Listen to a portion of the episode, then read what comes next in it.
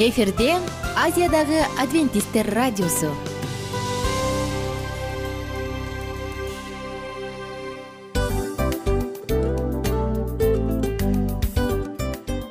Достор салют. Баардык сүйүктүү угармандарыбызга салам айтабыз. Кутман күнүңүздөр менен.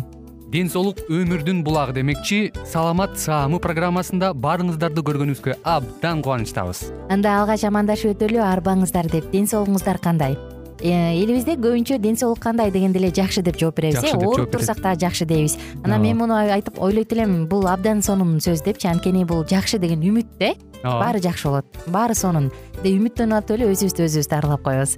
Анысы кандай? Сиздин дагы ден соолугуңуз жакшы беш деген үмүттөбүз чындыгында ден соолук бул өмүрдүн булагы деп бекеринен айтылган эмес деп ойлойм. Кыргыз элинде анткени эгерде ден соолук жок болсо анда адамдын жашоосунда калган баардык керектүү маңыздуу нерселер өзүнүн баалуулугун жоготуп коет. Ошондуктан ден соолук бул эң керектүү нерсе. Ооба туура айтасың кесиптешим. Чынында ден соолугуң жок бир эки үч күн ооруп калсаң эле э кандай болуп калат? Жашоодо көз каранды болуп каласың көп нерсеге жетишпей каласың көп нерсени кыла албай каласың жада калса эшикке дүкөнгө да чыга албай каласың. Туптуура анан ден соолук болсо демек биз биздин бактыбыз тотой деп койсок болот.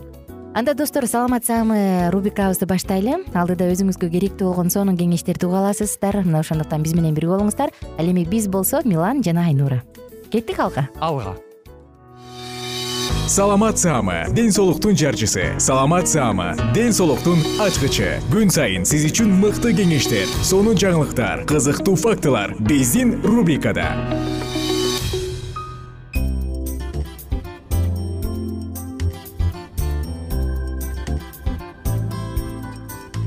Салам достор. Жалпы кыргыз элиме арбаңыздар деген улуу учурашуу менен саатыбызды баштайбыз. Бүгүнкү тема мен үчүн психологиялык жана руханий кам көрүү достор денеси укмуш бекем ден соолугу мындай сырткы келбети. Бирок дайыма маанайы начар же депрессияда жүргөн адамды сиз саламаттуу адам деп атайт белеңиз? Же болбосо денесинин абалы укмуш начар? Ал эмес ал эмнеге жашап жүргөнүн түшүнбөгөн адамдан адамды сиз саламаттуу адам деп атайт белеңиз? Ооба достор көрсө саламат деген сөздү айтканда жалпысынан ал бир гана физикалык эмес ал психологиялык жана руханий түзүлүштөрдүн баардыгын тең камтыган сөз. Мына ошондуктан сиздер менен бүгүн мээ эң жакшы функциясын аткарыш үчүн анын бир гана акылын машыктырбастан эмоционалдык абалын жана руханий инсандуулугун дагы сөзсүз өөрчүтүш керек. Ушул жөнүндө сөз кылабыз. Кантип? Эгер кызык болсо анда биз менен бирге болуңуз. Биринчи кезекте достор стресстен качканга аракет кылыңыз. Анткени кортизолдун эң эле көп бийик дозасы мээни бузат. Ал эмес таанып билүү функциясын дагы төмөндөтөт эс тутумду начарлатат. Кортизол бул бөйрөк үстүндөгү без иштеп чыгарган гормон. Анын концентрациясы стресстин узаруусуна пайда шарт түзөт. Мына достор ошондуктан стресстен качканга аракет кылыңыз жана жайдары тынч обстановкада же болбосо жагдайда жашаганга аракет кылыңыз кийинки кезекте көп тапшырма коюп алып анын баардыгын бир убакта аткарганга шашпаңыз. Телевизор көрүп жатып мисалы э тамак ичип атып телевизор көрүп атып ошол учурда эле сүйлөшүүнүн кереги жок. Мындай көп нерсени бир убакта жасаган бизди азыраак өндүрүмдүү кылат. Андан да эң эле кызыктуусу биздин мээ чындыгында көп тапшырмаларды бир учурда жасаганга ыңгайлашылган эмес. Мисалы сиз кечки тамак ичип атасыз фейсбуктон сүйлөшүп атасыз ошол эле учурда лентада болуп жаткан баардык жаңылыктарды бир сыйра түрүп карап атасыз. Мындай учурда биздин эң башкы ой жүгүртүүчүбүз баардык нерседе бирдей баардык жерге бирдей фокус кыла албайт. Анан ал баягы судорожно бир жерден экинчи жерге экинчиден үчүнчүгө улам улам секирип өтөт дагы биз аны өтө көп жүк жүктөп коебуз ага күч келтирип коебуз. Ошондуктан достор бир эле учурда көп тапшырманы аткарган адамдарда баягы пайдасыз маалыматтарды сорттоо фильтрден өткөрүү өтө аз болуп калат. Ал бир гана эмес достор. Ал адамдын бир нерсеге ой топтоосун дагы төмөндөтүп коет. Ошондуктан бир нерседен экинчиге секирип кереги жок. Анын ордуна бир тапшырманы бүтүрүп анан экинчисин аткарган жакшы. Дагы бир баалуу сабат кеңеш. Реалдуу жана жетиле жете турган максаттарды коюңуз. Максат биз эмнени каалап жатканыбызда эмес эмнеге жете алабыз ошондо болгону жакшы. Эмне себептен? Анткени биздин мээбиз каалаган нерседен реалдуу нерсени айырмалап биле албайт. Мисалы биз мен ушундай болсом деп туруп кыялыбызды мээбизге максат кылып берип коебуз. Мындай учурда самоидентификацияда бир топ өзгөрүүлөр болот. Анан качан биз өзүбүздүн ойлогон кыялыбыздагы нерсеге жете албай баштаганда биздин самоидентификациябыздын айланасында чыңалуулар пайда боло баштайт. Өзүбүзгө өзүбүз жакпай баштайбыз. Анан мындай учурда албетте кичинекей жеткиликтүү максаттарга да жете албай каласың. Ошондуктан максат коюуда ай ушундай болсо болду эмес реалдуу максат коюу мээге пайдалуу. Достор мына караңызчы кандай гана кызык. Сиздин коюп жаткан максатыңыз адекваттуу жана жакшы ойлонулган болсун. Кийинки кеңеш акылды машыктырыш керек акылды машыктырган жакшы. Мисалы интеллектуалдык адамдарда интеллектуалдык активдүү адамдарда э, синапстар абдан көп. Бул нейрондордун ортосундагы байланыштар. Алардын мээси эрте картайбайт. Андан сырткары жогорку билимдери адамдарда көбүрөөк интеллектуалдык иш аракет менен активдүү жашаган адамдарда альцгеймер оорусуна чалдыгуу коркунучу өтө төмөн. Ошондуктан жаңы нерселерди таанып билиңиз билим алыңыз. Биздин мээбизге кандай маалыматтар келип жатат? Биздин органдар аркылуу э, баягы сезүүчү органдар аркылуу кандай маалыматтар келип жатат? Ошонун баардыгын карап бир сыйра карап коюңуз. Кандай маалыматтарды кабыл алып жатабыз? Булардын баардыгы ой мүмкүн эмес го дегени менен бул нерсе мүмкүн. Жана достор кийинки айта турган нерсе мисалы компьютерга туура эмес данный деп коет эмеспизби. Туура эмес маалыматтарды киргизип койсок албетте ал аягы натыйжада туура эмес маалыматтарды берет. Туурабы бирок дал ушул мисал бир гана компьютерларга эмес биздин мээбизге дагы тиешелүү. Биздин мээбизге туура эмес маалыматтарды туура эмес деп киргизип койсок ал жакшы маалымат чыгарып бербейт ал туура эмес маалыматты чыгарып берет. Мисалы адамдын көрүүсү баягы амыралдык ар кандай иш кыймыл аракеттерди каардуу сценаларды көргөн адамдардын көз аркылуу көргөн баардык мээси агрессивдүү жана мындай кишини жийиркенте турган нерселерди алып чыгып берет. Элестетиңиз анын ордуна биз жакшы туура образдагы жакшынакай эң сонун нейрондорду көргөзүп бере турган болсок албетте ал бийик нерселерге жеткенге жардам берет. Достор биздин мээбиз кандай маалыматтын алдында калып жатат? Мунун баардыгын контролдоо көзөмөлдөө оор бирок бул мүмкүн нерсе. Ошондуктан биздин эмоцияларыбыздын баардыгын жакшы караган жакшы дагы бир кийинки кеңеш эмоцияларды контролдоо керек. Эмоция бул мээнин маанилүү функцияларынын бири. Ошондуктан кандай эмоция көрүп жатабыз? Кандай эмоциялар чыгып жатат? Ошонун баардыгын караган жакшы. Жана акыркы айта турган нерсе бул ишеним көрсөтүү жана үмүт. Элестетиңиз бул мээ үчүн абдан жакшы. Бир техастагы университеттин окумуштуулары сонун изилдеп чыгышыптыр. Көрсө кудайга ишенген адамдардын жана башкаларга ишеним көрсөткөн үмүттөнгөн адамдардын мээси үмүттөнбөгөн ишенбеген адамдардыкына караганда бир нече эсе жакшы өрүшкөн жана картайган эмес. Анда нейрондор көбүрөөк. Демек адамдын руханий жашоосу дагы эң эле маанилүү. Достор жыл өткөн сайын ар бир адам картаят. Жыл өткөн сайын баардыгыбыз тең бир жакты көздөй жөнөйбүз э. Бирок ошентсе дагы биздин маалыматтарыбыз сизге жардам берет жана эрте картайып оорулуу болуп калбастан тескерисинче бактылуу карылыкты өткөргөнгө жардам берет деген ишенимдемин. Руханий жашооңузга көңүл буруп коюңуз анткени бул дагы сиздин мээңиздин жакшы иштешибиз үчүн жакшы шарт түзөт. Кайрадан амандашканча күнүңүздөр көңүлдүү улансын. Саламат саама ден соолуктун жарчысы. Саламат саама ден соолуктун ачкычы. Күн сайын сиз үчүн мыкты кеңештер сонун жаңылыктар кызыктуу фактылар. Биздин рубрикада салют замандаштар баарыңыздарга ысык салам. Дил маек программабызга кош келиңиздер. Дил маек рубрикасы дегенде эле бул эмне болгон дил маек ким менен маектешебиз деп сурайт болуш керек угармандарыбыз бул рубриканы кыскача тааныштыра кете турган болсок ар тарап кесип ээлеринен болгон сонун интервью кеңештер бар. Ооба. жылдыздар менен болгон маек бар. Аталарыбыздын агаларыбыздын чоң аталарыбыздан сонун кеңештер бар. Ошондой эле эже сиңдилердин кеңештери бар. Айтор баардык кызыктардын баары алдыда. Негизи эле адам баласы бир кимдир бирөөнө ишенип сырын ачкысы келет эмеспи э мындай баарлашууга жакын келебиз го? Албетте.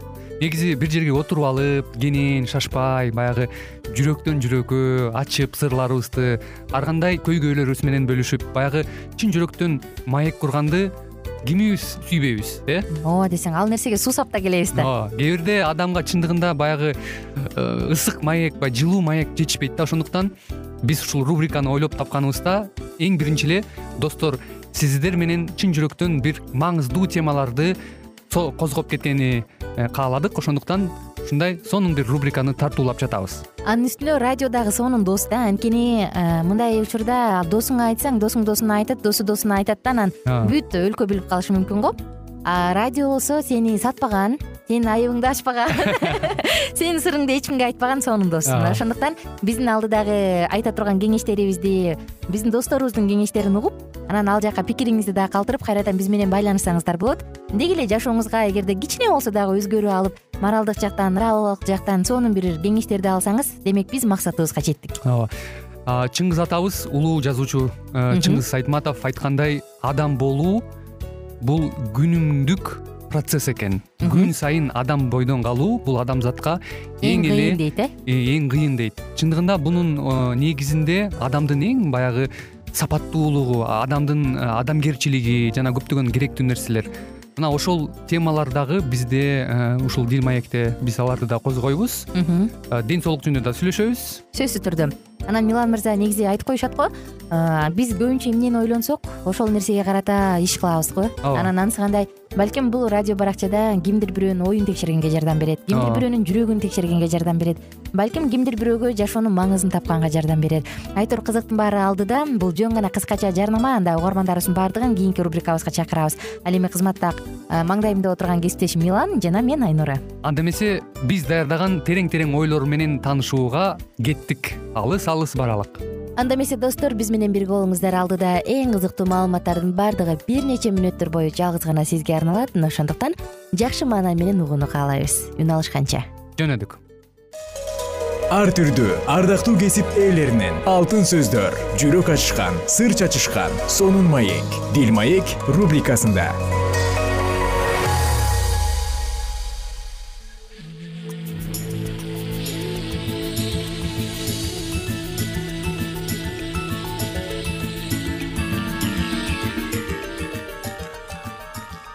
кутмандуу күнүңүздөр менен кымбаттуу радио угармандарыбыз кайрадан эле сиздердин назарыңыздарда кыргызстанга саякат аттуу берүүбүздү баштамакчыбыз. Бүгүнкү программабыздын чыгарылышында биз кыргызыбыздын ата бабадан эзелтеден келе жаткан деги эле шырдактын э, түрлөрү жана ошондой эле ою чиймелер туурасында дагы бүгүнкү программабызда кеп кылат экенбиз. Андыктан биздин ободон алыстабай биз менен биргеликте болуңуздар. Шырдак кийизден жасалып жерге салынуучу үй буюму бети эки бөлүктөн ортосу орто шырдактагы орточо узундугу экиден эки жарым метрге чейин жетет. Жана четинен жыйырма беш отуз беш сантиметрден турат. Жана кыйысу алты он сантиметр жээги бир сантиметрге чейин жетет. Адегенде шырдактын кийизи жасалат. Кийизи кылчыксыз жүндөн уютулат. Кылчык жүн боекту жакшы албайт. Ал кийизден керектүү өлчөмдүү шырдактын бөлүктөрү бычылат. Ал түс айкалышына карай аркыл түстө боелот боелгон эки бөлөк түстөгү кийиз өңүнөн биринин үстүнө бири коюлуп көктөлүп бетине оюм түшүрүлөт. Оюмдарга ортосуна кыял мүйүз жалпы табак бадам сыяктуу чоң оймолор четине көчкөн мүйүз сыңар мүйүз жана башкалар түшүрүлөт. Түшүрүлгөн оюм боюнча бычак менен кылдат кесилет. Оюлган кийиздер ажыратылып бир түстүн оюму экинчисине дал келиштирип кыналаштырылып тигилет. Ал жерге оң сол ийрилип чыйрылган үч кат түстө үч жиптен. Түстүү бастырылма милте. Жөрмөмө жип сыртына чыгарылбайт. Жана бул жөрмөлөт. Ортоңку бөлүгү чети менен кыюу аркылуу бириктирилет четине да кыюу салынат. Алар мисалы ортоңку бычак учу четки бычак жана башка деп аталат. Баардыгы бүткөндө кара кийизден ичили кийиштелип шоона менен шырылат. Шоона үчүн көбүнчө төөнүн жүнү пайдаланылат. Четине милтеникиндей үч жиптен. Мисалы эки четкиси көк ортосу кызыл жана башка болуп жээк басылат.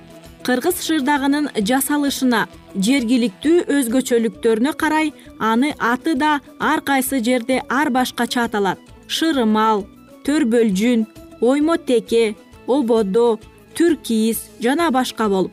Өлчөмүнө карай чоң орто кичине шырдак болуп бөлүнөт. Шырдак жасалган ууздун чеберчилигине жараша. Ар кандай оюмдар салынып бир нече өң ичи кара жупташырылып керектүү өлчөмдө жасалат. Шырдак жерге салса да бүктөп жыйнап койсо да үйдүн көркү.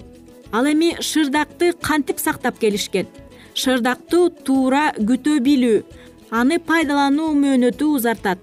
Шырдакты туура күтүү билүүнү аны пайдалануу мөөнөтү узартылат. Ал үчүн шырдакты ар дайым кургак кармап шыпырып чаң соргуч менен тазалап күбүп кышында тоңгон каарга чаап мезгили менен күнгө жайып туруу керек. Шырдакка күбө курту өтө эле өч болот. Ошондуктан жайылып турганда ага нафталин сээп аны баштыкчага салып арасына коюп андан башка да шырдакка эрмен коюп койсо күбө болбойт дешет. Андан сырткары ала кийиз жөнүндө кыргыздар кыргыз кийизге туулат деп макал айтышат. Ала кийиз төшөк жок жерге жатты кайран эл. Түрдүү оюм түшүрүлүп уютулуп жасалган кийиз буюм болуп биз ала кийизди атайбыз. Алардын тоолук жердиги жүн болгондуктан элибизде кийиз буюмдары арбын. Бул адеми буюм катары бааланат да узак убакыт урунууга шартташкан. Ала кийиз кара ала кийиз деген ат илгери кара жана ак койдун жүнүнө эле түр түшүрүүнү түшүндүрүлгөн. Уяң жүндүн баары эле. Боекко жакшы кириши мүмкүн эмес. Кылчыктуу жарым кылчыктуу жүндү да боекко абдан кандыра салып муздак суу менен жакшылап жууп алышыңыз керек. Бирок ал мындай караганда бир аз бозомтук тартып калышы да зарыл. Ууздардын айтымында бир койдун жүнүнө болжол менен алганда бир чоң чака суу эки жүз грамм боек туура келет. Эгер жүн малыш койдуку болсо ага үч жүз үч жүз элүү грамм боекту сарптоо максатка ылайыкташат. Орточо ала кийизге он килограмм кара жүн керек. Анын түрүнө бир жарым килограмм жүн чыгымдалат. Оюм жашыл кызыл ак сары өңдөргө тармактанып келет. Мында үй мүйүз оюму чарчыланта бөлүүгө да болот. Ала кийизге кетүүчү көркөм оюмдарынын ички дүйнөсү өңү түсүн ачат. Мында буюмдун четтери кара кийизден. Жалаң берилип айрым чеберлер аны да ала мончоктотот. Ала кийиздеги апа мончоктотуу бул шырдак оюмдары арала тийиш бычак учу ит куйрук бадам сыяктуу негизги оюмдарды айырмалоочудай мааниге ээ көрүнүш ала кийиз үчүн күрөң мала сары көгүш кара өңдөр мүнөздүү болот.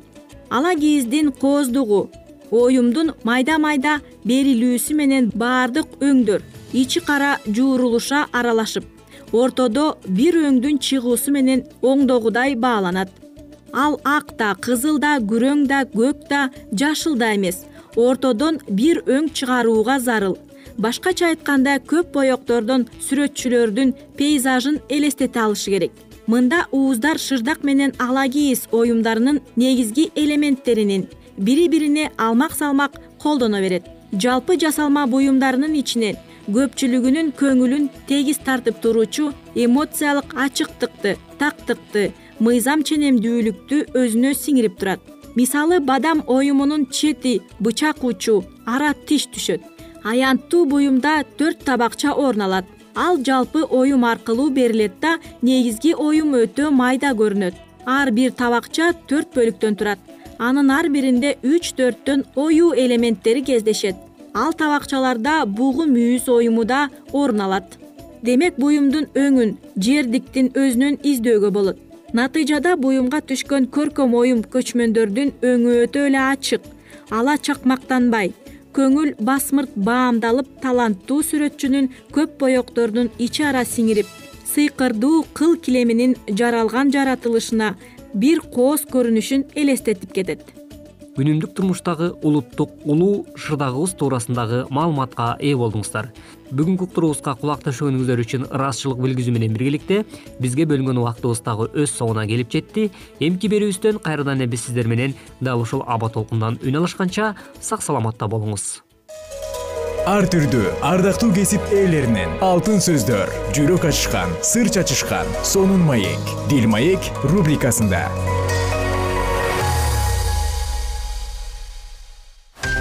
жан дүйнөңдү байыткан жүрөгүңдү азыктанткан жашооңо маңыз тартуулаган жан азык рубрикасы.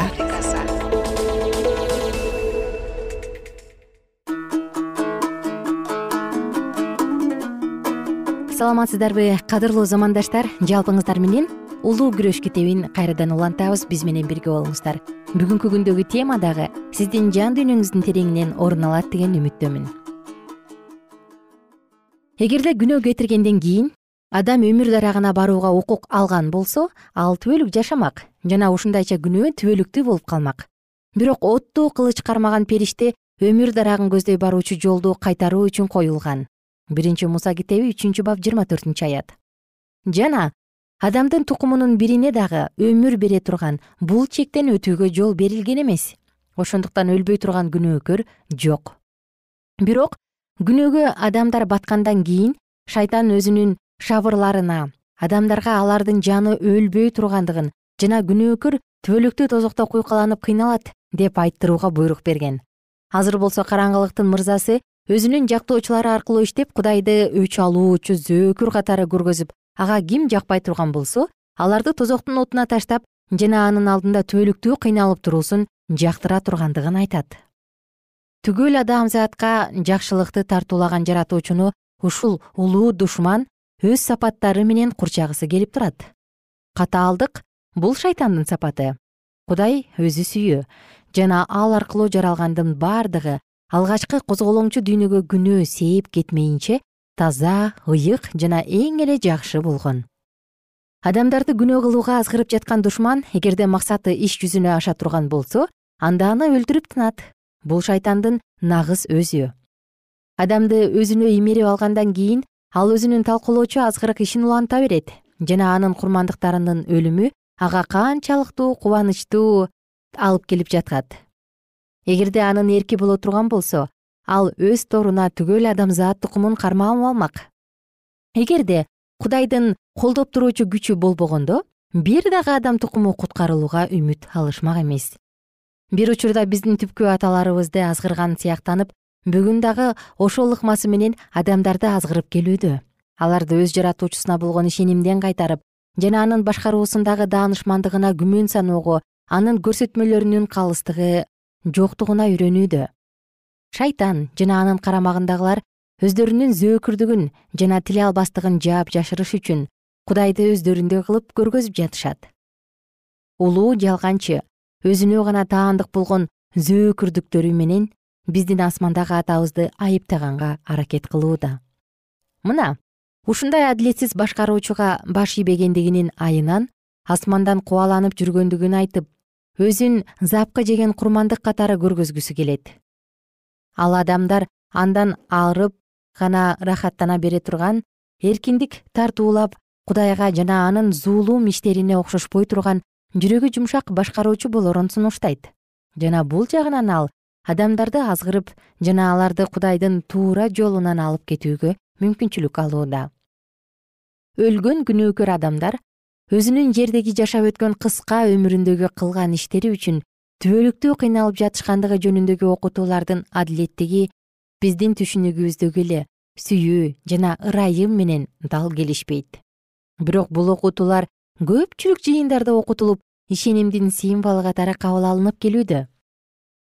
Бир атактуу кудай сөзүнүн доктору мындай деп айтат. Тозоктун отунда кыйналып жаткандардын көрүнүшү адилеттүүлөрдүн түбөлүктүү бактысын бекемдейт. Качан алар? Ал жактан өзү сыяктуу туулган жана ошондой эле денеге ээ болгон адамдарды көрүшкөндө жана өзүнүн кадырлуу экендигине салыштыруу менен алар өздөрүн кандай бактылуу экендигин сезишет башка кудай сөзүн талдоочу мындай деп айткан. Күнөө кылган имиш идиштердин үстүнөн чыгарылган өкүм түбөлүктүү ишке ашкандыктан алардын кыйналганынын түтүнү ырайым тапкандардын алдында түбөлүккө көтөрүлөт. Жана алар тигил тарапка өтүүнүн ордуна о мин аллилуя сага даңк теңир! деп айтышат. Ыйык жазуунун кайсыл барактарынан ушундай окутууларды табууга болот? Куткарылган адамдар асманда боорукердик жан ачыган жана адамдарды жакшы көрүү сапатынан ажырап калышмак беле. Жок дагы бир жолу жок. Кудайдын китебинде мындай окутуунун бири дагы жок. Балким ушундай ойлорду сунуштап окутуп жатышкан адамдар билимдүү жада калса ак ниет дагы болушу мүмкүн. Бирок алар шайтандын айлакердигине алданып калышкан. Ал аларды ыйык жазуулардын кеси айтылган жерлерин туура эмес талкуулаганга үндөйт мукадастагы теңирге эмес бирок өзүнө таандык болгон коркутуу жана зөөкүрдүктөрдү таптыруу аракет кылат. Мен тирүүмүн дейт кудай теңир. Күнөөкөрдүн өлгөнүн каалабайм бирок күнөөкөр өз жолунан бурулуп аман калганын каалайм.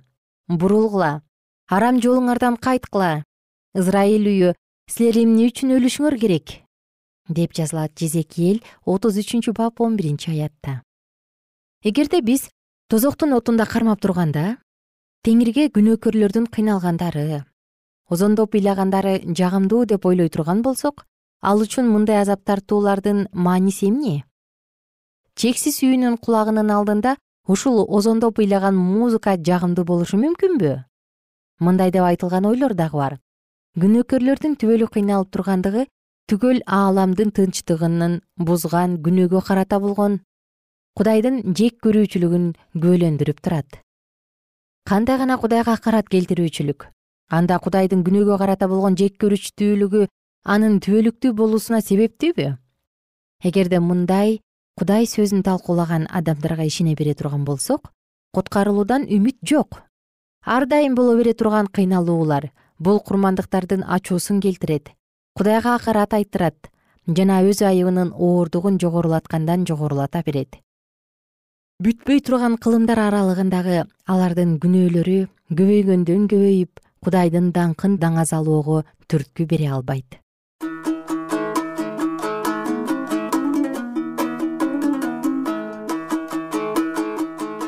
Кымбаттуу досум жана сүйүктүү угарман. Сиздер менен бүгүн дагы жан үчүн маанилүү болгон эң сонун үзүндү окуп өттүк. Тыңдаганыңыз улуу күрөш китебинен үзүндү. Биз менен бирге болуңуздар жалпыңыздарды кийинки уктурууда кайрадан күтүп алабыз. Анткени дал ушул кызыктуу теманы сиздер менен бирге андан ары улантабыз. Жолдо баратып уксаңыз үйүңүзгө аман эсен жетип алыңыз. Ак жол каалайм. Баардык досторубузга.